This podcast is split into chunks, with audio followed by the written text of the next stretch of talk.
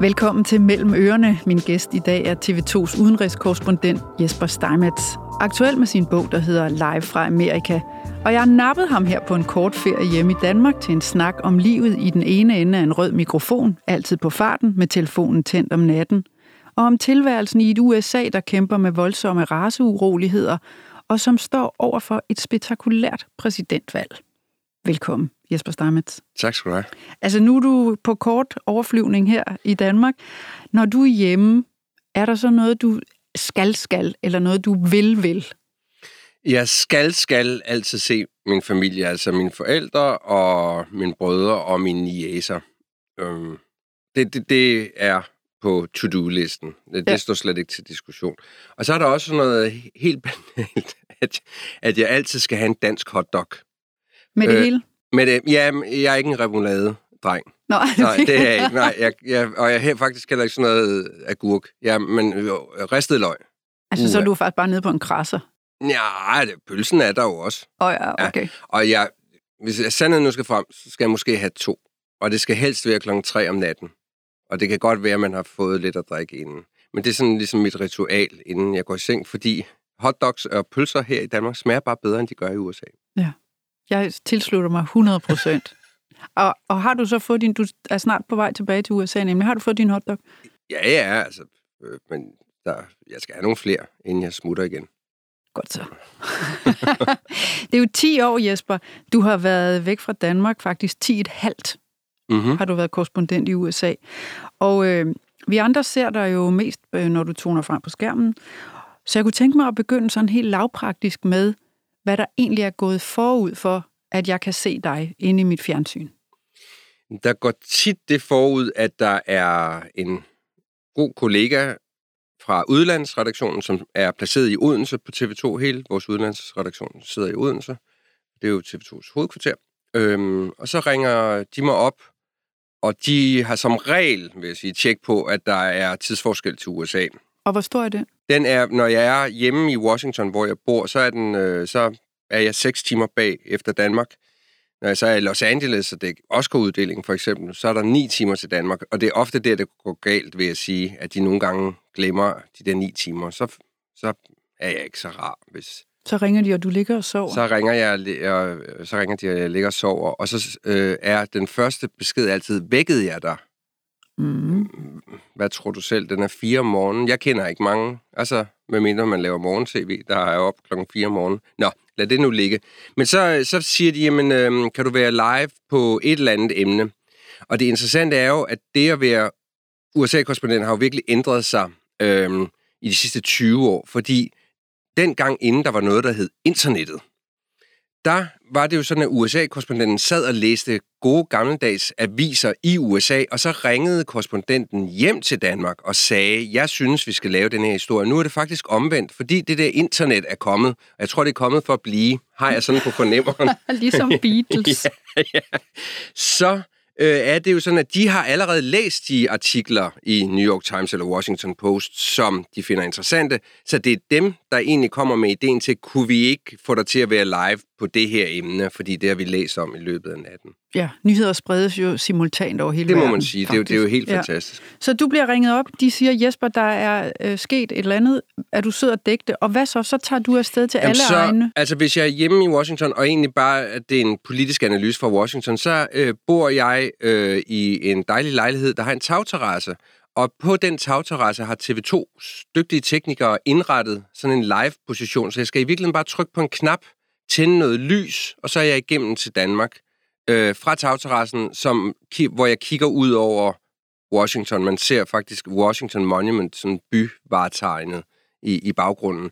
Så jeg kan i virkeligheden fra de ringer til, jeg kan være på, øh, går der i virkeligheden kun sådan tre minutter, så kan jeg være på, altså under forudsætning af, at jeg lige er barberet, nybarberet, hvad jeg ikke er nu, og lige har skjorteslips slips på. Det er sådan skoleuniformen på TV2. Og en ting er jo så at være nybarberet, men noget andet er jo også at være klar med en total ny, frisk, skarp analyse. Kan du anytime på tre minutter hive den op? Nej, det, kan, det er faktisk et rigtig godt spørgsmål, fordi der er nogle gange, hvor jeg simpelthen siger til dem, det aner jeg ikke en brik om. Der ved I næsten mere, end jeg gør. Jeg bliver nødt til at lave noget research. Andre gange, der er det noget, jeg øh, er inde i forvejen, og så fordi jeg har kilder i Washington, så har jeg allerede hørt om det og haft samtaler med folk om det, og så kan jeg sagtens sige noget om det.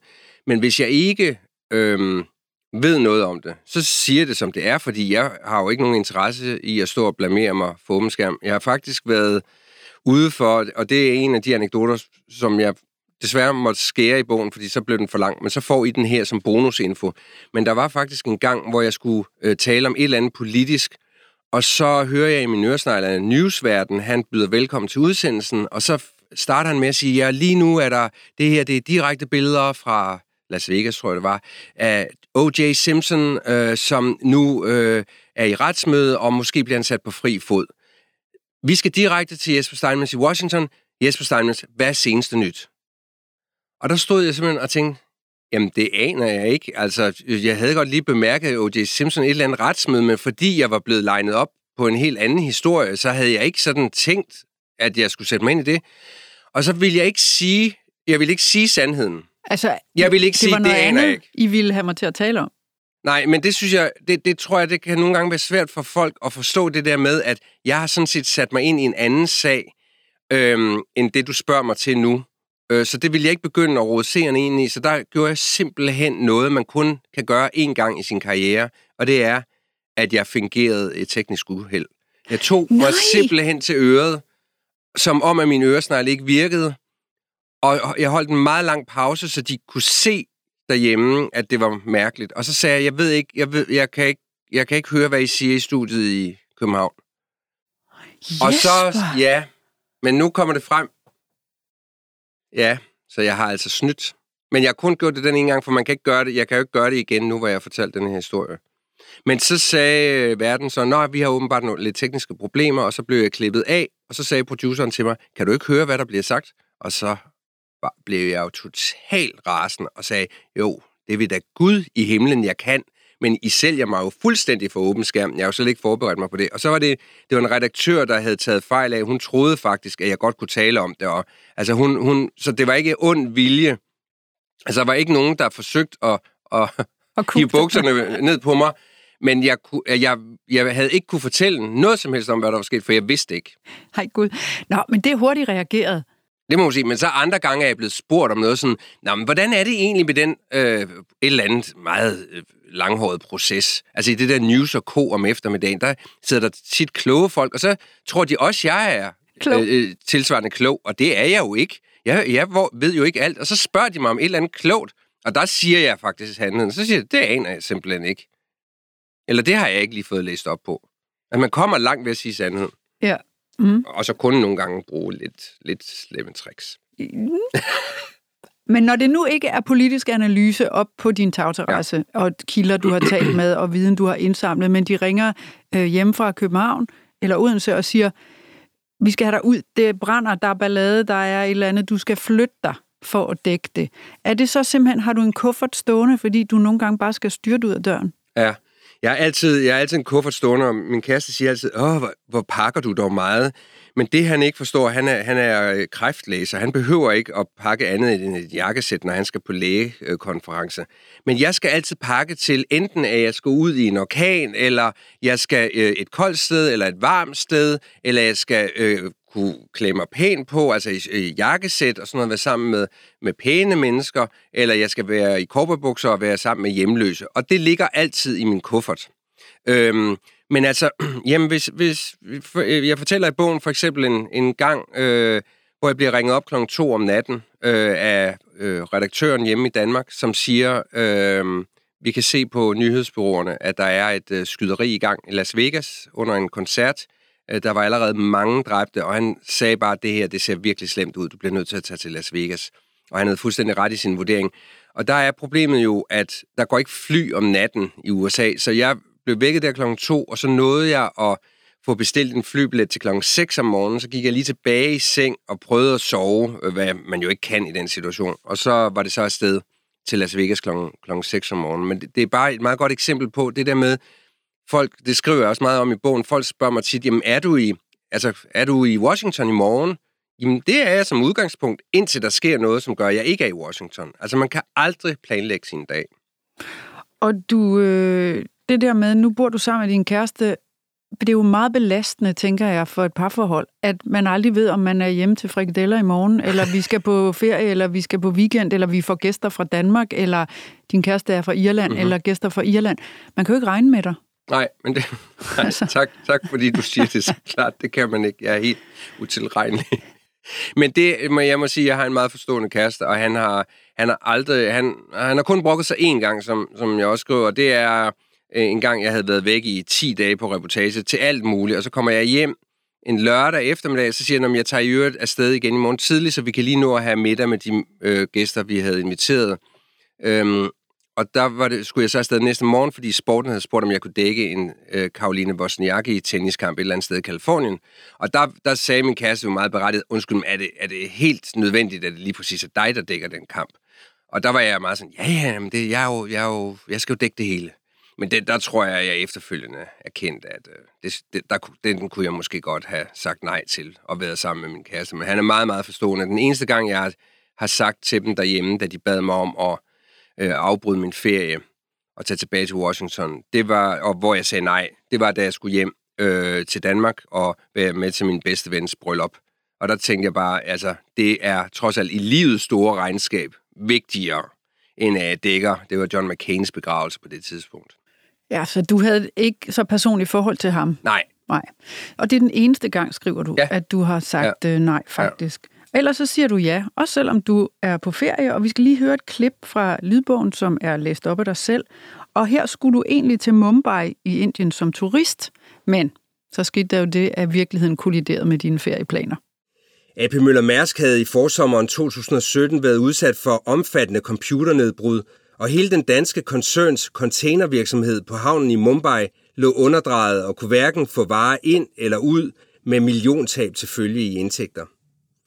Tilfældet ville, at da nyheden breakede, sad jeg i flyet fra USA til netop Mumbai, hvor jeg skulle fordrive et par dage som turist, mens Kiran holdt foredrag for indiske kræftlæger. Jeg har efterhånden lært aldrig at rejse uden minikamera, stativ, mikrofon, øresnegl og tv-puder til panden, og jeg havde wifi ombord på den 15 timer lange flyvetur til Indien. Så redaktøren i Odense og jeg havde kommunikeret, mens jeg var over Rusland, Iran og Pakistan.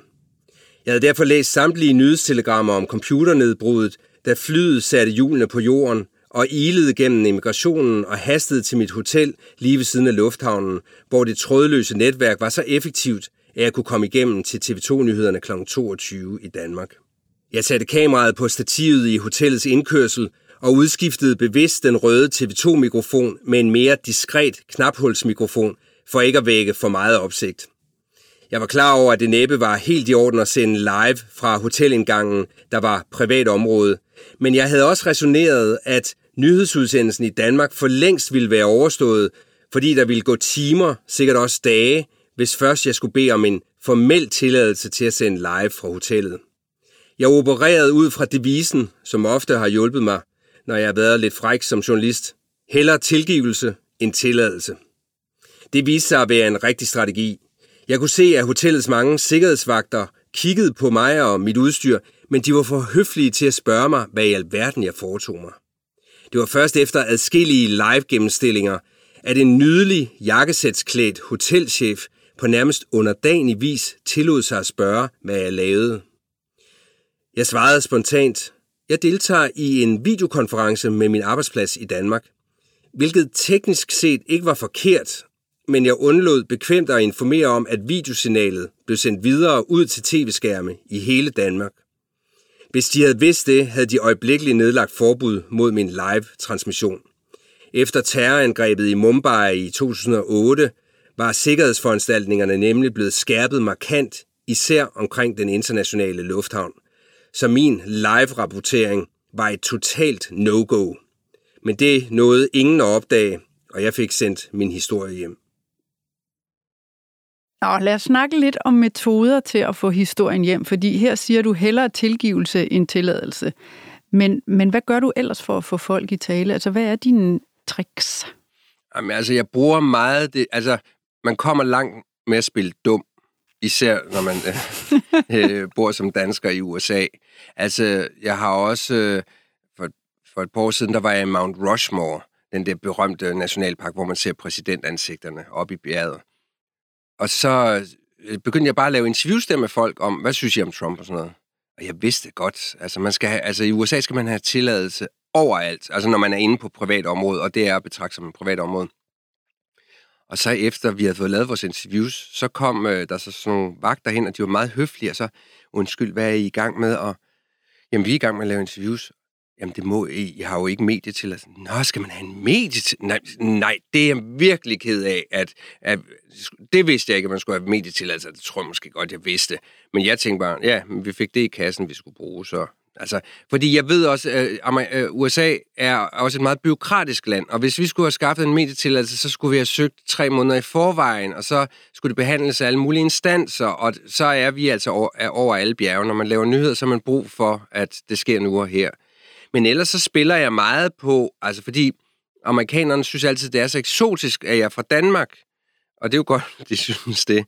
Øhm, og de tror altid, altså de, de overhører ligesom, når jeg siger, at jeg bor i Washington D.C., så de tror altid, at jeg har fløjet den lange, lange vej fra Danmark, kun for at interviewe dem, og det spiller jeg helt bevidst på. Altså hvis de siger nej i første omgang, så råber jeg altid efter dem, but I have come all the way from Denmark. Og så plejer, det plejer faktisk at bløde dem op, fordi de tænker, at det er alligevel også sødt for ham, at han er fløjet forgæves helt herude på landet. Så må vi hellere tale med ham. Så du lyver, og du snyder? Det synes jeg er en meget skarp måde at formulere det på, men jeg, jeg synes, jeg er kreativ i mine arbejdsmetoder. og jeg er nok lidt fræk. Ja, men det er nødvendigt, ikke også? Jo, men det er det. Altså, man, øh, andre er også frække, vil jeg sige. Altså, vi, vi, vi er frække i vores fag, og hvis man ikke ligesom prøver at lige gå til kanten, og måske nogle gange gå over, jamen, så er der mange muligheder, man ikke får. Øhm, vi var også, øh, jeg var, jeg var øh, med øh, sammen med en fotograf inde i det hus, hvor der boede nogle terrorister, øh, som havde dræbt, øh, tror jeg, 14 mennesker til sådan en julefrokost i Kalifornien for nogle år siden. Og der øh, terroristerne blev dræbt, det var et ægtepar, og, øh, og så blev boligen, deres bolig, hvor de boede, blev frigivet af FBI, efter de havde renset boligen, og, og så pressede vi og alle mulige amerikanske medier på for at komme ind og filme det.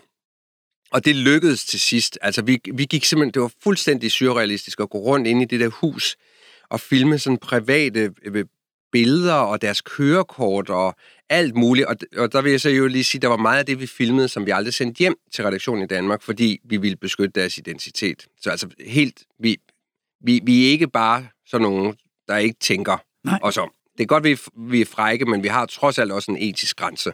Men der var der meget stor debat efterfølgende om, hvorvidt vi burde have gjort det, om man burde have rendt rundt i sådan et i en terroristrede. Og der, der må jeg sige, at jamen, øh, det vil jeg også gøre i morgen, fordi mit job er at komme så tæt på som overhovedet muligt, og jeg, jeg går tættere på en brand, eller jeg går så tæt på en brand som overhovedet muligt, jeg går så tæt på et ulykkested som overhovedet muligt, jeg går så tæt på scenen, hvor det sker, som overhovedet muligt, indtil jeg får at vide, nu kan jeg ikke komme tættere på, eller nu må du ikke gå tættere på, fordi det er mit job som journalist. Altså, jeg skal, jeg skal derhen, hvor det sker. Hvis vi øh, altså nu kigger på de raceuroligheder, som jo præger USA i ret voldsom grad i øjeblikket, for, efter at hvide politifolk har dræbt sorte, har det gjort det sværere for dig som hvid journalist at passe dit arbejde i forhold til tidligere? Altså nu siger du, at du går tættere på, det vil sige, du står jo også, øh, ser vi midt i urolighederne, der bølger bag dig og sådan noget. Bliver du mødt på en anden måde som hvid mand nu end tidligere? Jeg synes faktisk, i al overvejende grad bliver jeg mødt af øh, sorte demonstranter, for det er jo meget de der demonstrationer, vi dækker. Altså, der bliver jeg faktisk mødt med stor sympati, og de, der er direkte nogle af dem, der kommer hen og siger, til mig, thank you for being here, thank you for covering this. Altså tak fordi I er her, tak fordi I dækker det, fordi det er et vigtigt budskab, vi skal have ud til resten af verden. Og det synes jeg faktisk er utrolig sympatisk, at de ser sådan på os. Men altså, det skal da ikke være nogen hemmelighed, at der også er, er nogle af de der meget øh, altså, voldelige elementer blandt de demonstranterne, og det er bestemt mindretallet. Men de ser os i medierne, øh, og både hvide og sorte, de ser også i medierne som del af problemet, altså som del af eliten, der øh, er med til at holde sorte nede. Og jeg fortæller i bunden, hvordan der er...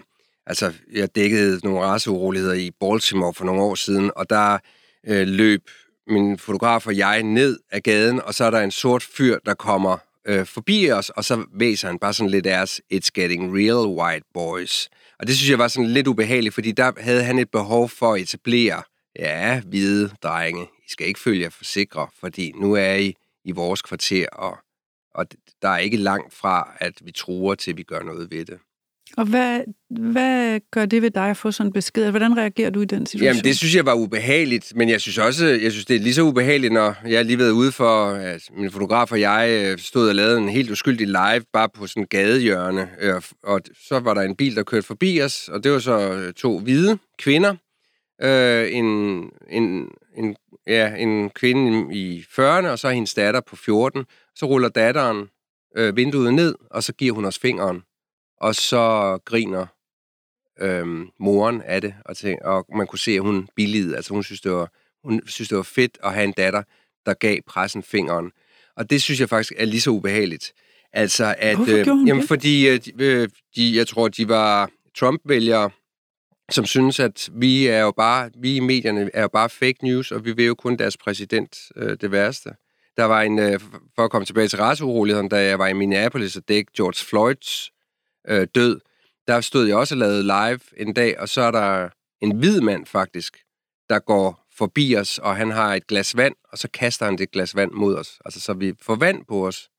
Og så råber han bare, go home to where you belong. Og så skrid. Øh, og det, det, er, det, det er nyt, synes jeg. Altså, det er nyt, det der, at man, at man bliver truet, og at, altså, Ja, at de simpelthen synes, at, øh, at vi hvor kommer er det fra, tænker du? Hvorfor er det blevet Jamen, jeg tror, der er, der er jo simpelthen så meget vrede på begge sider af det amerikanske samfund, og, og den vrede er vi øh, i medierne jo med til at portrættere.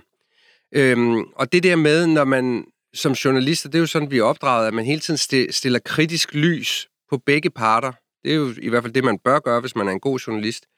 Øhm, gør, at der er alt for mange som, som så tror, at hvis jeg stiller et kritisk spørgsmål, så er det fordi, jeg hader vedkommende.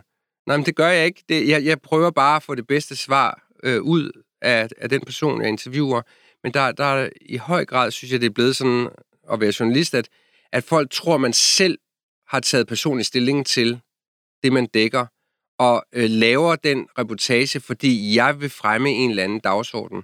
Og det er jo helt forfejlet, fordi jeg laver reportager, fordi jeg gerne vil fortælle om amerikanernes liv, både på den ene side og på den anden side af spektret. Ikke? Men du skriver, at USA er splittet som aldrig før. Og udover at øh, det, du beskriver her, vel også er et udtryk for et, et raseri på begge sider, at det skal gå ud over dig som, øh, som, som korrespondent. Hvor ser du det så? Den så ser man det. Man ser det jo i mange familier. Altså, jeg fortæller om en familie, der jo nærmest ikke kan, eller som ikke kan være i stue sammen, fordi øh, det ene familiemedlem er republikansk kongresmand, og alle hans søskende er demokrater, og de har gået så vidt som til at indrykke en tv-reklame, hvor de simpelthen advarer folk mod at stemme på deres egen bror. Det er jo helt absurd.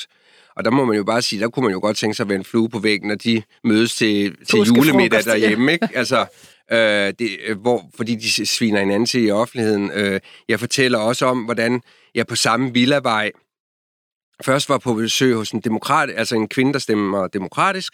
Hun sad og så CNN, og så øh, gik jeg over på den anden side af vejen, og der mødte jeg hendes genbo, øh, også en kvinde på samme alder. Hun var republikaner, eller er republikaner, og sad og så Fox News. Og det, de på samme tid den aften så, var to vidt forskellige versioner af, hvad der skete i USA den pågældende aften. Og man, når man stod i midten af vejen, som, som jeg gjorde, så tænkte jeg bare, jamen jeg, man skulle ikke tro, det er det samme land, de taler om. Det skulle ikke, man skulle ikke tro, det er det samme land, de så på tv-skærmen. Og det er jo med til at forme folks holdninger. Hvis man ser den ene tv-kanal eller den anden tv-kanal, så har man to vidt forskellige opfattelser af, om det går den rigtige vej i USA, USA eller den forkerte vej. Altså, vi har jo en, eller USA har jo en øh, præsident, Donald Trump, i det hvide hus, som øh, kommunikerer på måder, man aldrig har set før. Ja, det må man sige. øh, og som øh, altså råber fake news hele tiden, og som har travlt med at udskamme de journalister, der ikke er på hans side. Altså man har jo set øh, fra nogle af hans øh, møder, hvor han jo simpelthen peger ned bagerst i salen på de journalister, der sidder og går direkte til angreb på dem. Øh, hvordan mærker du forskellen på at være journalist under ham i det hvide hus i forhold til, da Obama sad der, hvor du jo også var i USA? Jamen, der er helt klart en forskel, men, men jeg tror, der er mange, der forestiller sig, at det kun er negativt, og at, at vi kun bliver behandlet dårligere. Og det gør vi faktisk ikke. Men hvis vi tager det negative først, altså du har fuldstændig ret, når jeg har været til mange af de der Trump-valgmøder, og der er sådan et ritual, at han på et eller andet tidspunkt øh, siger han altid the fake news media, og så peger han ned bagerst i salen, og så ser man sådan tusindvis af mennesker, der lige pludselig vender sig mod os, og så står de og buer af os, eller giver os fingeren. Og det, det er jo bare, altså, vi, vi plejer bare at ryste på hovedet og grine af det, fordi vi er der for at passe vores arbejde, men jeg synes, det er uhyggeligt, at man kan få opbildet sådan en hel forsamling på tusindvis af mennesker til øh, og, og, vise sådan en brede, ja. brede ja, og, og have en.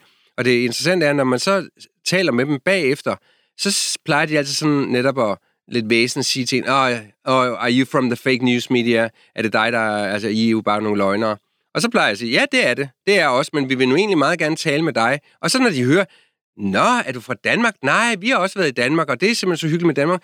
Og jeg tænker, øh, og jeg, jeg har aldrig sagt det til dem, men jeg står altid og tænker, undskyld, hvorfor har du overhovedet lyst til at blive interviewet af mig, hvis du som udgangspunkt synes, at jeg er fra the fake news media? Så ville det da være mere konsekvent at gå din vej. Hvad faktisk de færreste gør. Altså mange af de her, og det er jo det uhyggelige, mange af de her, der har stået og givet os fingeren, og stået og buet af os, fordi Trump siger, at man skal bue af os, er de sødeste mennesker, når vi så taler med dem på tomandshånd, og, og opfører sig ordentligt. Og jeg synes, det, det er nemlig uhyggeligt at være vidne til, hvordan man kan ophisse sådan en hel forsamling. Men det er så den negative, negative side af det. Men den positive er faktisk, at på mange områder er det lettere at dække Trump, end det var at dække Obama. Der var sådan en MA, uh, Obama, det var så fint, og han var præsident, og det er meget fint at blive præsident i USA, ingen tvivl om det. Men det er ikke finere, blot fordi det er Obama, end fordi det er Trump. Det er jo folket, altså men hvordan, hvordan, er det, altså, hvordan var det sværere med Obama, og nu nemmere med Trump? Jamen altså, øh, med Obama for eksempel var det helt konkret sådan, at når, vi, når den danske statsminister kommer på besøg, der er jeg dækket et par besøg efterhånden, så får, øh, så får øh, den amerikanske presse og den danske presse at vide, at I må stille med så mange mand, og de, det skal være det samme antal. Øh, og under Obama, der var det en meget lille flok, der fik lov at komme med ind i det ovale værelse og tage billeder og stille spørgsmål til, når Helle thorning Schmidt eller Lars Løkke havde været på besøg hos Obama.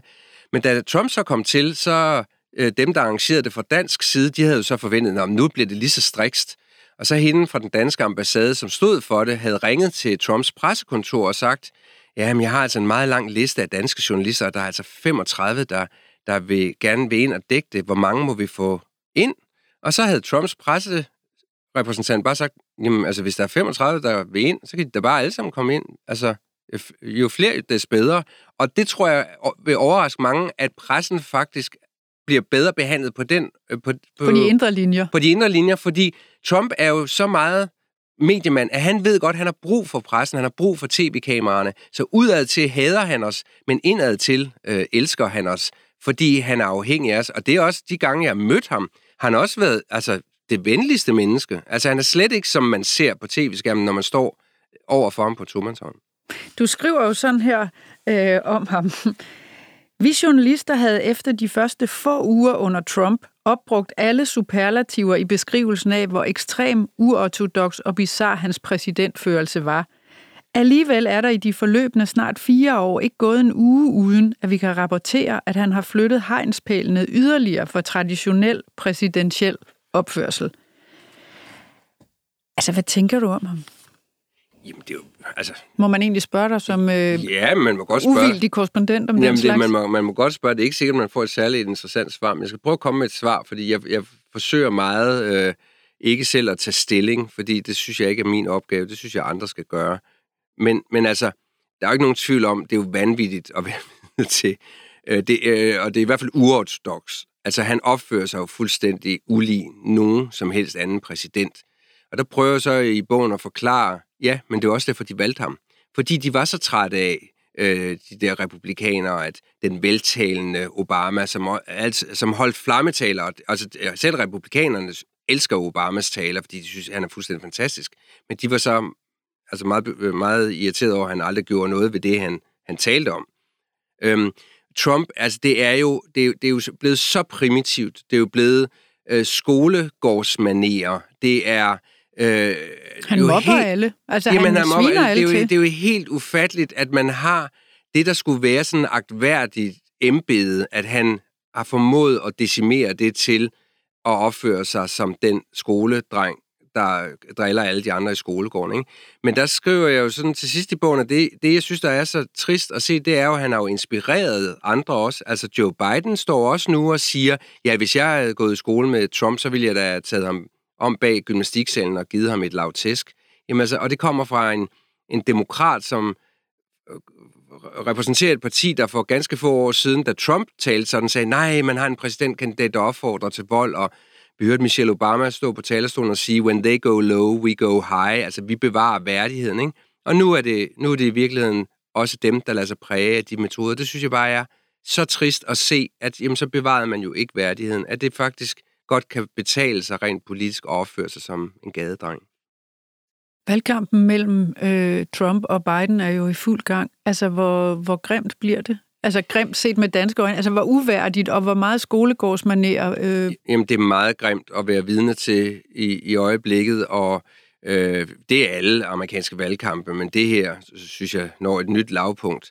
Jeg vil så dog sige, at det interessante er at se, at Trump forsøger jo lidt at anlægge samme strategi over for Biden, som han anlagde over for Hillary Clinton. Altså, han forsøger at udstille ham som sådan en gammel Affældig. øh, affældig øh, mand, og at han er en løgner, bedrager og korrupt og sådan noget. Og der må man bare sige, at det virker slet ikke på samme måde, øh, som da han kæmpede mod Hillary Clinton, fordi der var mange, selv blandt demokrater, som ikke kunne udstå Hillary Clinton. Der er ikke nogen, der ikke bryder sig om Biden. Altså selv blandt republikanere, som bestemmer på Trump, der er det meget svært at få dem til at sige, at de hader Biden, fordi de synes, ja, de, de synes han er for gammel og sådan noget, sluder sig 12. Men de synes helt grundlæggende, at han er et ordentligt menneske, og han opfører sig ordentligt. Og det er en farlig modstander at have for Trump, fordi Biden kan slå på noget anstændighed, som Trump ikke kan. Så tør du spå om, hvem der er USA's Nej, altså nu var jeg jo, som jeg, jeg citerer jo mig selv for i bogen i 2015 at sige, at øh, Trump har ikke en kinamands chance for at blive præsident i USA, så så dygtig er jeg til at forudsige, hvem der bliver præsident i USA. Nej, det er godt, du er så dygtig til så meget andet, Jesper. det har været en fornøjelse at have dig på besøg. Rigtig god tur tilbage til USA. Tak skal du have. tak fordi du kom. Og tak til dig, der lyttede med. Mellem ørerne er tilbage igen næste fredag. For mere mellem ørerne, brug kampagnekoden Cecilie og få 30 dage gratis adgang til tusindvis af lydbøger på Mofibo.